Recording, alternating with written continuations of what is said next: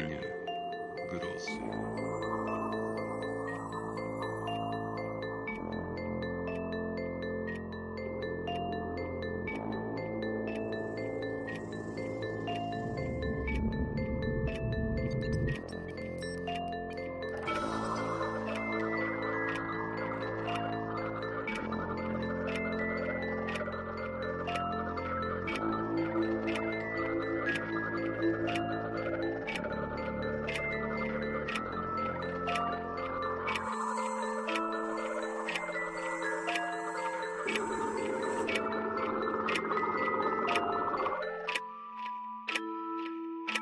Natalia Nana Kędra Antykwariusz Zatrzymałem się przed kolejną witryną.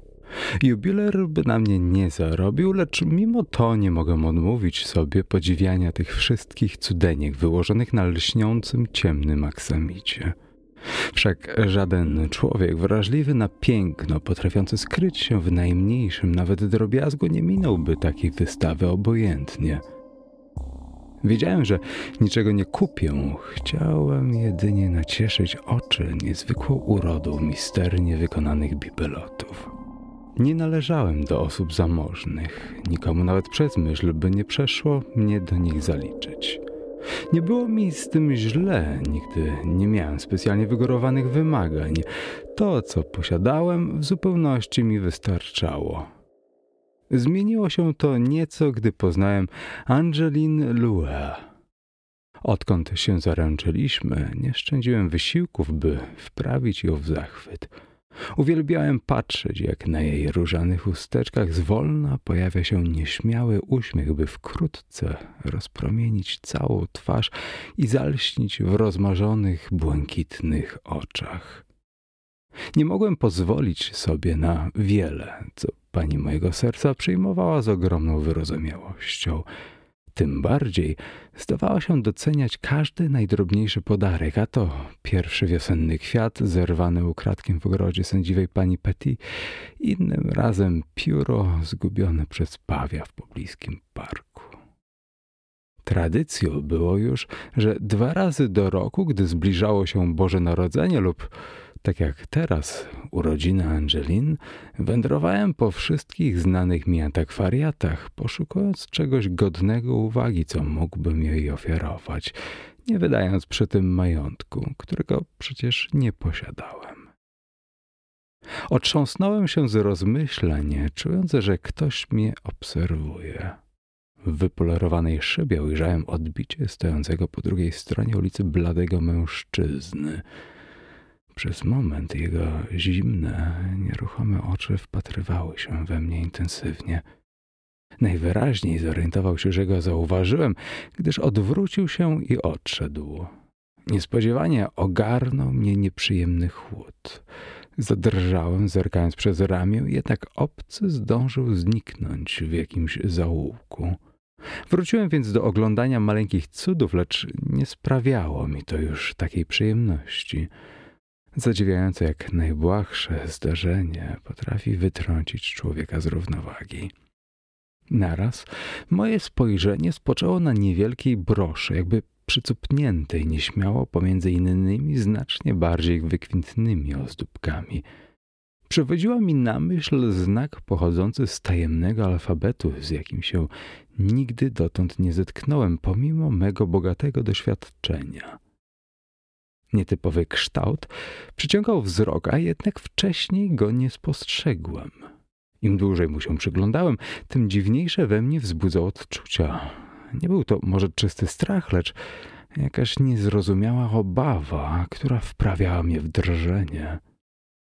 Zwróciłem uwagę, że broszka, jakkolwiek wykonana z niebywałą precyzją, nie pasuje do innych misternych błyskotek z wystawy. Zupełnie jakby znalazła się na niej przypadkiem, jakby ktoś umieścił ją tam w niezrozumiałym celu. Z pewnością to nie sprawka jubilera. Widać było na pierwszy rzut oka, że nie jest dziełem tej samej ręki co reszta. Westchnąłem z politowaniem, kiwając głową do własnych cokolwiek niepoważnych myśli i powoli ruszyłem przed siebie. Niemal natychmiast, wymazując z pamięci to, co widziały moje oczy, by kontynuować obchód. Zostało kilka sklepików, do których jeszcze nie zaglądałem, a kto wie, może nawet natrafię na jakiś nowy, do tej pory mi nieznany. Ach, młody pan Adalbert, witam, witam, co nowego? Niewiele, odpowiedziałem zgodnie z prawdą, podając antykwariuszowi dłoń, a na mojej twarzy zagościł zmęczony uśmiech. To był doprawdy długi dzień. Co więcej, całkowicie bezowocny. Oto przekroczyłem próg ostatniego ze znanych mi kilkunastu świetnie zaopatrzonych antykwariatów, a nie napotkałem ani jednego przedmiotu najmniejszego drobiazgu, który przykułby moją uwagę. Nigdy jeszcze moje poszukiwania nie przyniosły tak marnych, właściwie żadnych rezultatów. Cała nadzieja w panu Vieux, jego osobistej kopalni złota. Ten człowiek potrafił znaleźć dosłownie wszystko, czego tylko klient mógłby sobie zażyczyć. Dowcip polegał na tym, że nie przyjmował banalnych zleceń. Im większe wyzwanie się przed nim postawiło, z tym większym zapałem się go podejmował.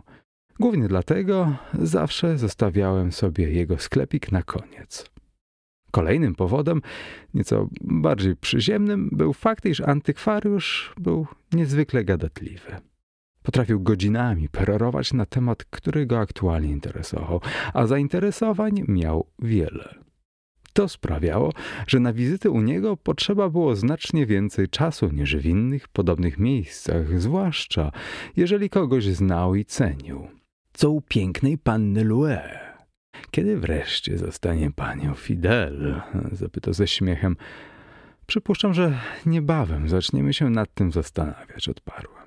Szybko wyjaśniłem powód swojej wizyty. Naturalnie nie musiałem tego robić. Pan wie, doskonale znał te ze zwyczajów swoich stałych klientów, które dawały mu szansę na zarobek. Gdy tylko skończyłem mówić, pokiwał głową ze zrozumieniem i zaczął z niebywałą prędkością przemieszczać się po sklepie, co róż zdejmując coś z gustownych, mahoniowych regałów, innym razem wskazując mi jakieś doskonale utrzymane stare woluminy. W jego antykwariacie można było znaleźć istne cuda, jednak wciąż brakowało czegoś, co byłoby warte uwagi. A trzeba przyznać, że sprzedawca, znając mój wybredny gust, nie zawracał sobie głowy prezentowaniem mi byle czego.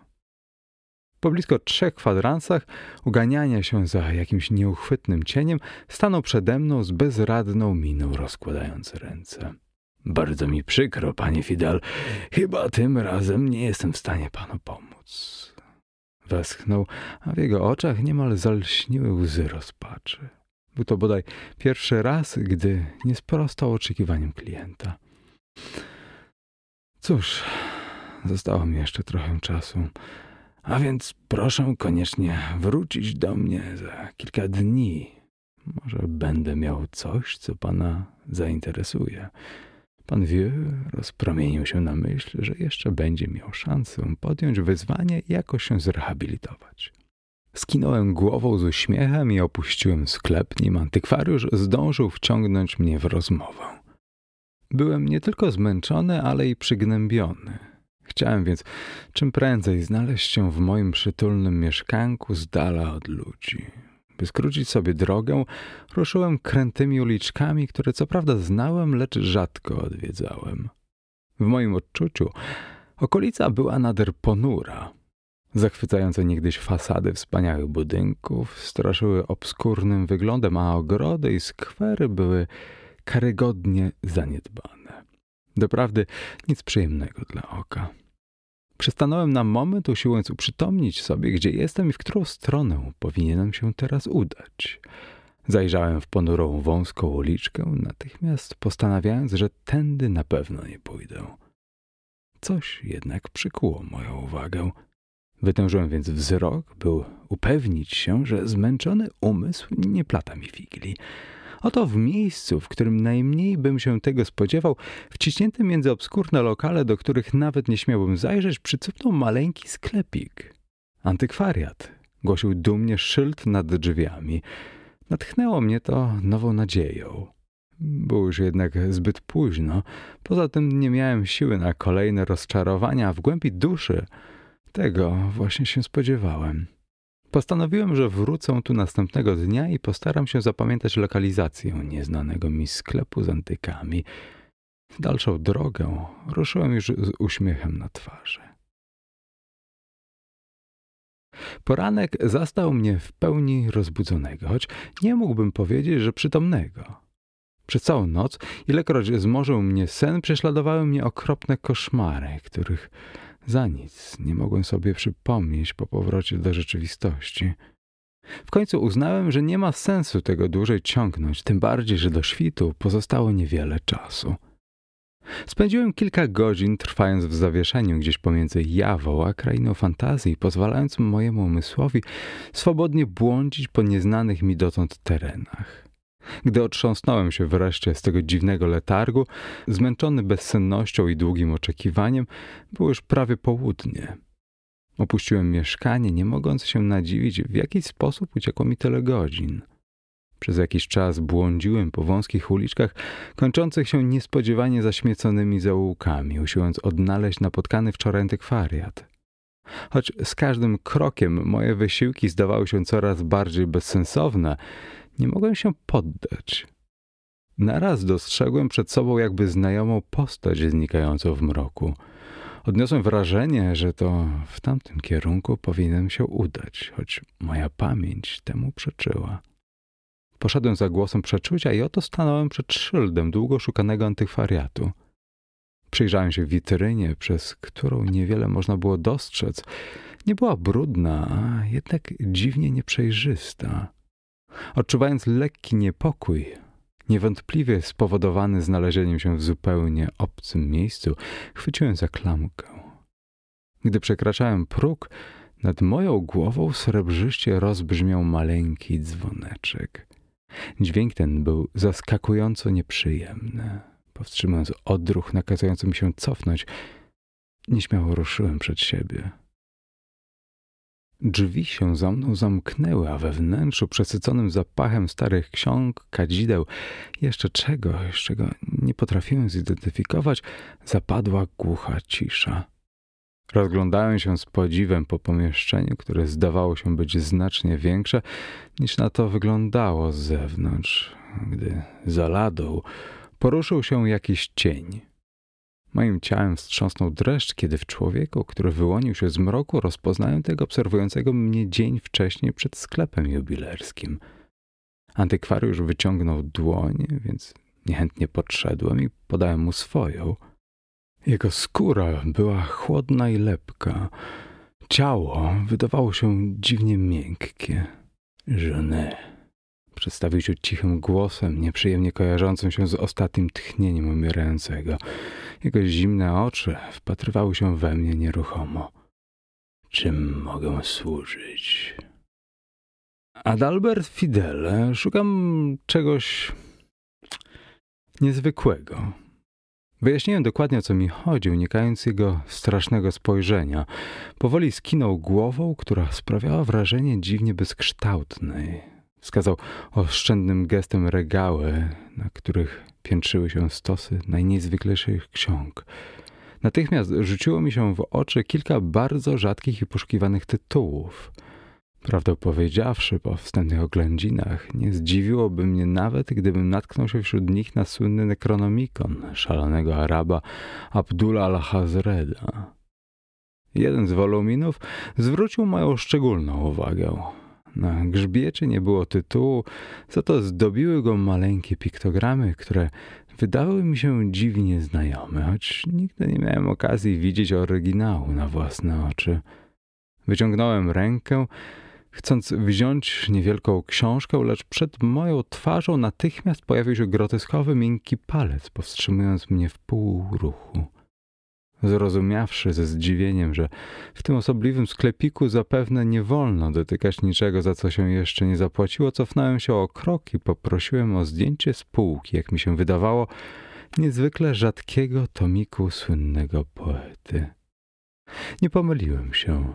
Na świecie istniało zaledwie kilkanaście egzemplarzy, a jeden z nich właśnie leżał przede mną na ladzie.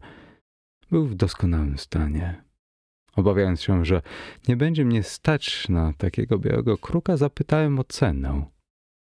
Przez następną wieczność, takie przynajmniej miałem wrażenie, wpatrywałem się z niedowierzaniem w sprzedawcę, który najwyraźniej zupełnie poważnie wymienił zaskakująco niewielką sumę. Czując, że szczęście wreszcie się do mnie uśmiechnęło, błyskawicznie podjąłem decyzję. Zakup wprawił mnie w doskonały nastrój, że wciągnąłem antykwariusza w rozmowę. Nie był przesadnie gadatliwy, za to wyrażał się z zastanowieniem i wielką precyzją. Muszę przyznać, że nie słyszałem o tym antykwariacie. Od dawna pan tu jest, żonę? Niedawno otwarłem. No właśnie. Uniósł dłoń, jakby sobie o czymś przypomniał. Nie zdążyłem jeszcze skatalogować wszystkich moich zbiorów. Obawiam się, że będzie pan musiał nieco poczekać na swój zakup. Jednakże musiał dostrzec na mej twarzy pewną obawę, gdyż dodał z zastanowieniem: Jeśli zechce pan zostawić mi swój adres, postaram się dostarczyć książkę jeszcze w tym tygodniu. Musiałem przemyśleć tę propozycję. Prawdę powiedziawszy, posłaniec mógłby mnie nie zastać, gdyż miałem zaplanowany pilny służbowy wyjazd. Obawiając się, że nie zdążę wrócić po książkę przed urodzinami mojej Angelin, zacząłem gorączkowo zastanawiać się nad lepszym rozwiązaniem. Wie pan, żonę, to ma być prezent, zacząłem. W tym momencie wpadł mi do głowy doskonały pomysł. Czy gdybym podał panu adres, mógłby pan dostarczyć go osobie, dla której jest przeznaczony w najbliższy poniedziałek? Naturalnie. Do tego czasu na pewno zdążę skończyć katalog. Wyjął spod lady pióro, papier i kopertę i podsunął mi je, wpatrując się we mnie tymi zimnymi oczami. Czy zechce pan skreślić kilka słów? Można zapisać adres na kopercie. Włożę ją do książki i zaręczam, że prezent dotrze do adresatki na czas. Tak mnie zachwyciła ta propozycja, iż zupełnie nie zwróciłem uwagi na fakt, że choć nie zdradziłem ani słowem płci osoby, dla której zakupiłem ów prezent, że zdawał się ją znać. Szybko napisałem parę zdań w krótkich słowach, życząc Angeliny wszystkiego, co najlepsze, zapewniając o moim oddaniu i obiecując, że odwiedzę ją, gdy tylko wrócę z wyjazdu. Starannie zaadresowałem kopertę i podałem ją antykwariuszowi razem z należnością. Skinął krótko głową i wyciągnął dłoń, którą ścisnąłem z niechęcią. Sklepik z marzeniami każdego miłośnika literatury opuściłem z zadowoleniem. Mimo wszelkich starań nie udało mi się powrócić z podróży na czas. W dniu urodzin pani mojego serca byłem jeszcze tak daleko od domu, że oczywistym stał się dla mnie fakt, iż nie zdążę.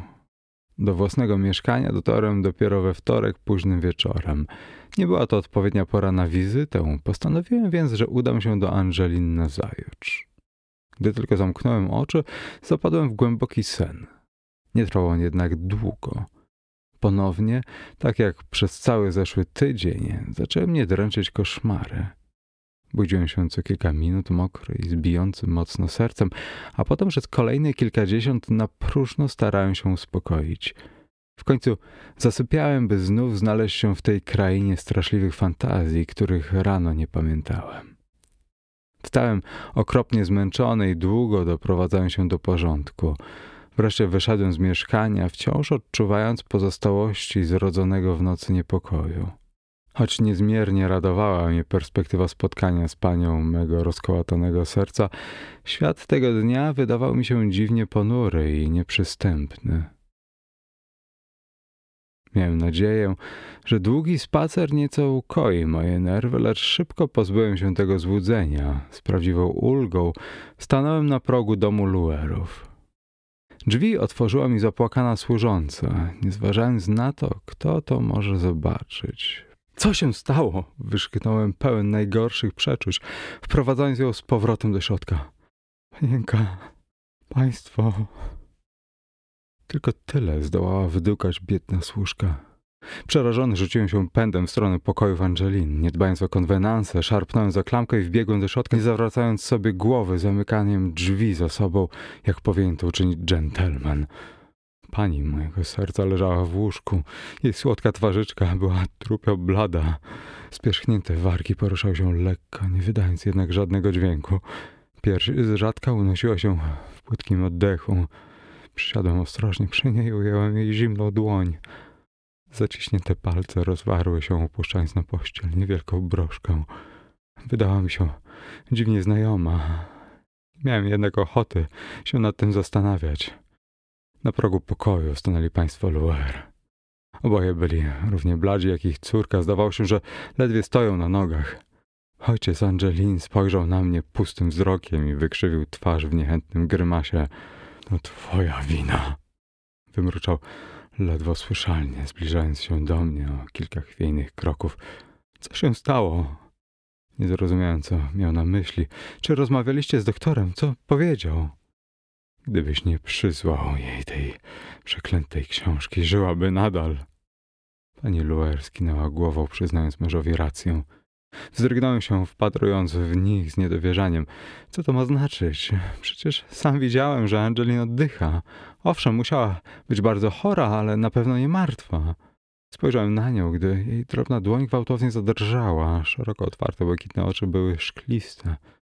Patrzyłem na nią długo, lecz nie dostrzegłem najmniejszego ruchu, ani jednego oddechu. Poczułem piekące łzy, gdy uświadomiłem sobie, że właśnie ją straciłem. Wstałem i odsunąłem się o kilka kroków, gdy państwo Luer przypadli do łóżka martwej córki i padli na kolana, zanosząc się szlochem. Broszka, którą trzymałem w dłoni, zdawała się nieznacznie pulsować. Była zimna, a równocześnie parzyła moją skórę. Rozwarłem palce. Ozdoba spadła na stolik, przy którym stałem. Pochyliłem się lekko. Spostrzegłem mój list napisany w antykwarerze Żoneta.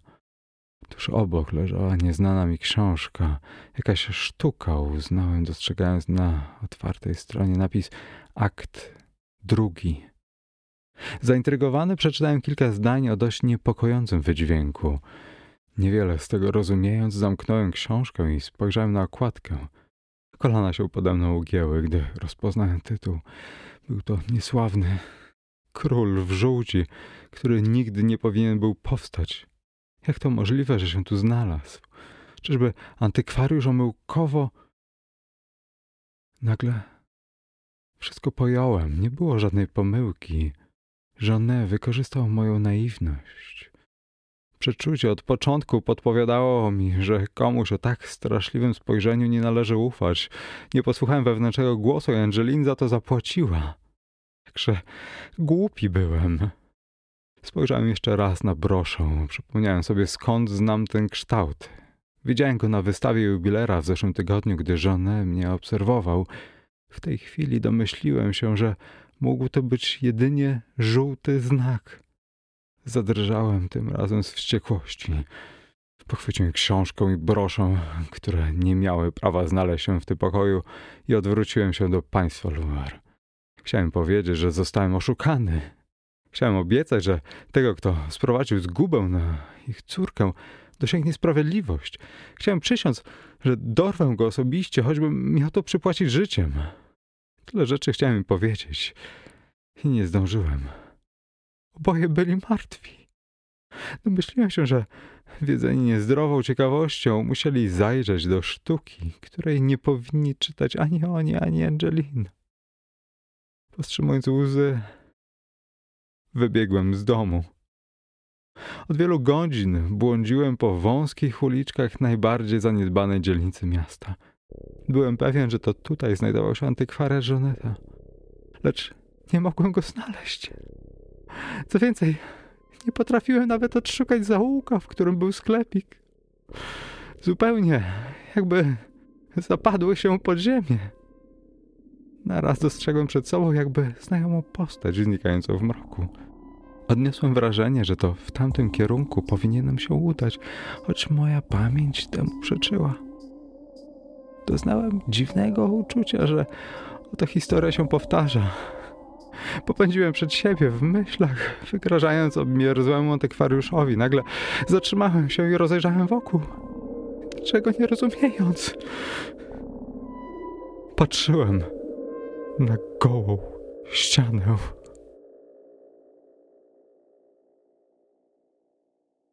Muzyka Błażej Lindner, Jacek Brzezowski czytał Jacek Brzezowski.